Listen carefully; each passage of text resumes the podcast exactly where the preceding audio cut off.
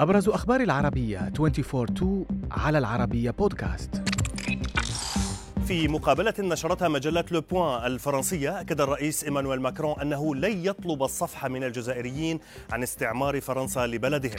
وفي المقابلة التي أجراها معه الكاتب الجزائري كامل داوود أوضح ماكرون أنه ليس مضطرا لطلب الصفح وأضاف هذا ليس الهدف الكلمة ستقطع كل الروابط على حد تعبيره. مشيرا إلى أن أسوأ ما يمكن أن يحصل هو أن نقول نحن نعتذر وكل منا يذهب في سبيله.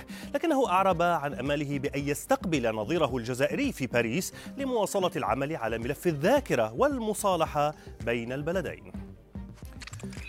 يواصل الأمير هاري تصدر حديث السوشيال ميديا بعد طرحه كتابه الجديد في الأسواق. والجديد هذه المرة هو ما أفادت به مصادر بريطانية بأن هاري لن يكون مرحبا به في حفل تتويج والده الملك تشارلز الثالث في شهر مايو المقبل. صحيفة ذا صن أوضحت أن كبار أفراد العائلة المالكة قد استاءوا من فكرة قضاء الوقت مع هاري في الحدث التاريخي مشيرة إلى أنه من غير الواضح ما إذا كان الملك سيدعو ابنه الأصغر لحضور حفل التتويج أو ما إذا كان هاري سيقبل الدعوة بسبب كتابه طبعا والذي وجه من خلاله انتقادات عدة للعائلة الملكية. إلى الأردن هذه المرة حيث أصدرت محكمة صلح جزاء عمان أحكاما بالسجن على أربعة أطباء تسببوا بوفاة مريضة خلال عملية شفط دهون. المحكمة قررت حبس طبيب جراح لمدة ثلاث سنوات وطبيب جراح آخر وطبيب مختص بالتخدير لمدة سنة واحدة وطبيب تخدير لمدة ستة أشهر مشيرة إلى أن الطبيب الذي أجرى الجراحة ليس مختصا بالتجميل. وأوضحت أن المدانين استمروا بإجراء العملية رغم تدهور حالة الضحية. كما أنهم لم يتدخلوا في الوقت المناسب لإيقاف العمل الجراحي للحيلولة دون وفاتها.